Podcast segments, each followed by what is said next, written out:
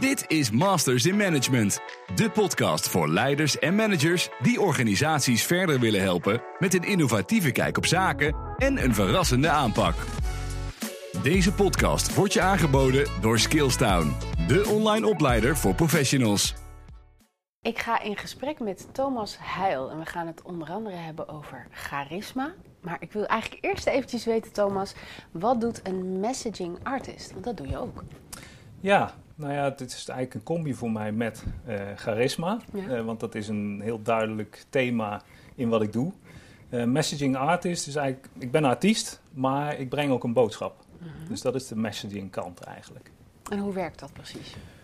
Ja, ehm, dat we eigenlijk eh, samen met eh, Giovanni, de pianist waar ik mee eh, speel, dat we heel veel nadruk eh, brengen op de puurheid van de muziek. Door alleen piano te gebruiken en heel veel focus te brengen naar de teksten. Dus met publiek richten we ook heel erg op die teksten. En daar zitten heel veel ja, interessante boodschappen in, in ieder geval voor mij. En ja, dat is iets wat ik graag eh, deel met anderen. En is het dan zo dat je bestaande teksten gebruikt? Of schrijf je ook teksten voor het publiek dat je voor je hebt, die je dus aanpast? Nou, dat is een interessant inderdaad. We gebruiken eigenlijk eh, op dit moment alleen maar Queen-nummers. Eh, daar zit ook een grote passie voor mij. En eh, ja, Freddie Mercury is voor mij een heel mooi voorbeeld van charisma. Mhm. Vooral op het podium. Hè, de, hoe die met zijn uitstraling eigenlijk ja, gewoon 200.000 mensen kan laten volgen en kan laten bewegen. Ja, dat vind ik echt fascinerend. Ja. En ehm, nou ja, die boodschap in die teksten, eh, Giovanni en ik merken wel, als wij aan het repeteren zijn en zo, dat we soms onze eigen invulling geven aan die teksten. Ehm, ja, en dat gebruiken we dan ook. Eh, soms dekt dat bijvoorbeeld voor mij meer de lading van wat ik wil zeggen. En het mooie is dat ik eh, een tijdje geleden via LinkedIn of zo een berichtje tegenkwam over Freddie Mercury. Er is een boek geschreven en daar werd eh, gequote dat hij zelf ook zei van die nummers die wij eh, hebben uitgebracht en gespeeld, ja, die moet je gewoon op jouw manier interpreteren. Mhm. En dat is waar de kracht zit en niet hoe ik het bedoeld heb. Want er werden Ah. allerlei onderzoeken gedaan ook van ja, wat zou die met dat nummer bedoeld hebben, met dat nummer. Nou ja, en dat heeft mij ook wel geïnspireerd om die vrijheid ook gewoon te nemen en gewoon Ja. lekker samen met Gio eh, onze variant te creëren eigenlijk. Vond je het niet heel moeilijk om aan de gang te gaan met een, met een band die zo groot is als Queen en, en een, een man met een persoonlijkheid als Freddie Mercury? Ja, uiteindelijk niet, eigenlijk. Ehm, en nou ja, dat heeft ook wel te maken met een proces waar ik zelf doorheen ben gegaan. Eigenlijk op zoek naar mijn ware natuur. Hè, wa- waar zit die nou en hoe kan ik die krachten nou zo goed mogelijk benutten in het leven? En ja, voor mij had dat heel erg te maken. Kijk, als ik me ga richten op de buitenwereld en wat de buitenwereld er allemaal van zegt en van vindt. Hè, en dan heb je het natuurlijk over Freddie Mercury en Queen. Ja, dat zijn natuurlijk grootheden. Mhm. Ehm, dat zijn iconen. Eh, ze hebben meesterwerken gemaakt. Nou, al die termen ook, nou ja, die geven al heel erg, die kunnen jou heel veel spanning geven. Van, Ja. ja. mogen we daar wel aankomen? Zouden we dat nou wel doen? Wat zullen ze er allemaal van vinden? Nou, juist dat heb ik zelf geleerd om dat niet te doen. Maar vooral te kijken naar van, hé, hey, hoe kunnen wij nou met dit meesterwerk voor ons en voor anderen iets moois creëren? Gewoon wat van ons is, eh, maar waar we ons eh, ja, vasthouden wel aan, aan die, die pracht van Queen en daar Ja. wel recht aan doen. Ja. En ehm, nou ja, dat, dat is eigenlijk wat we, eh, wat we delen op dit moment. Mhm. Je gaf zelf ook eigenlijk al aan het begin aan, daarnaast ben je ook charismaticus. Ik moet zeggen, ik had nog nooit van die term gehoord. Voor Nee. mensen die dat ook niet weten, wat is een charismaticus? Nou ja, ehm, eh, dat is ook wel een interessante vraag. En dat, daar zit ook weer een interessante achtergrond bij. In de zin van dat, het, ehm, eh, dat ik op een gegeven moment ook ehm, op zoek was naar van ja, wat doe ik nou eigenlijk? hoe, eh, hoe leg ik dat uit? En ehm, de term charisma is wel iets wat bij mij resoneert, maar ook wat echt eh, een thema is in, eh, in wat, eh, wat ik met Giovanni doe. Mhm. En ehm, nou ja, toen dacht ik van ja, eigenlijk wat ik, wat ik predik of wat ik uitstraal, of, dat is charisma. En ehm, nou, als ik mezelf nou eens charismaticus noem, Mhm. toen ben ik gaan googlen. Nou, ik kwam het nergens tegen. Ik denk, nou, dat lijkt me dan wel een goede term. Ehm, want ik kon zelf ook nog niet zoiets vinden van ja, maar hè, als je op zoek gaat naar bestaande dingen, van ja, wat, eh, waar kun je het dan in een hokje plaatsen? Ja. Nou, dat hoeft helemaal niet, dus toen was het charismaticus. En, En wat eh, is charisma precies? nou ja, charisma is feitelijk, als je de definities gewoon opzoekt, zeg maar, dan is dat uitstraling. Mhm. En ehm, nou, dat dekt voor mij ook wel volledig de lading van charisma. Alleen wat ik merk wel in de wereld om me heen, en daar zit ook wel iets ja, waar ik me voor wil inzetten, is dat als ik aan iemand vraag van, noem nou eens een charismatisch persoon. Dat heel veel mensen dan kijken naar een Obama of naar Freddie Mercury of Mhm. naar ehm, nou ja, Bill Clinton of noem maar eh, een aantal eh, grootheden zeg maar, in de wereld, maar eigenlijk nooit zichzelf noemen. En dat heeft mij wel getriggerd eh, om, om daar iets mee te gaan doen. Want charisma komt voort eigenlijk uit heel dicht bij jouw ware natuur blijven. Mhm. Want zoals jij hier zit en jouw interview doet, en je doet dat vanuit jouw ware natuur, dan voel ik die energie, dan voel ik die uitstraling, dat dat dicht bij jouw ware natuur zit. Mhm. Nou, zo heb ik dat ook ervaren met op een podium staan en nummers van Queen zingen. Ja, ja. Als ik daar sta, dan voel ik die energie zo uit het podium, zo in mijn lijf komen. En dan denk ik van. Dit is thuiskomen. Dit is wat ik moet doen. Maar wat ik me dan afvraag, hè, kan het dan niet zo zijn dat Nederlanders misschien wel te nuchter zijn om over zichzelf te zeggen: ik heb charisma. Ik weet bijvoorbeeld van mezelf dat ik charisma heb. Ik kan dat aan en uitzetten als het nodig is voor mijn werk, bijvoorbeeld. Ja. Maar ik zou nooit over mezelf zeggen: God, wat ben ik toch een charismatisch mens. Snap je Ja, wat ik bedoel? ja, Heeft dat niet ook een beetje met nuchterheid te maken? Eh, vast wel. Ja, daar kan ik me wel iets bij voorstellen. Ik denk als je het eh, naar Amerika gaat en daar vraagt, dan eh, ja, dat ze daar bijvoorbeeld dat veel sneller zouden zeggen of veel uitbundiger op reageren. Of ah, charisma, that's a cool subject. Ja, ja, ja. Noem maar iets. Maar kun je het Ehm, leren? Kun je ehm, leren om, om, om dat te vergroten? Ehm, nou ja, ik, ik denk het wel. door ehm, op zoek te gaan eigenlijk naar die, die, die ware natuurpareltjes, noem ik het dan maar. Die in jouw natuur zitten. Kijk, ehm, in mijn beleving is het zo dat je, je wordt geboren eigenlijk met 100% charisma. Eh, want je bent onbevangen, je bent ehm, vrij, je hebt nog geen enkele conditionering meegekregen eigenlijk. je, Mhm. je plopt op de wereld en eh, je gilt als je honger hebt en nou ja, je huilt als je emotie hebt of verdrietig bent, noem maar op. En gaandeweg je leven eh, wordt daar aan alle kanten eh, af en toe wat afgeknabbeld. Ja. En heel veel mensen herkennen wel dat in je jeugd dat er bepaalde momenten waren of eh, interacties met mensen waarop je voelde van, nou, wow, ik ben echt, ik zit echt lekker in mijn energie en ik voel me nu echt heel krachtig.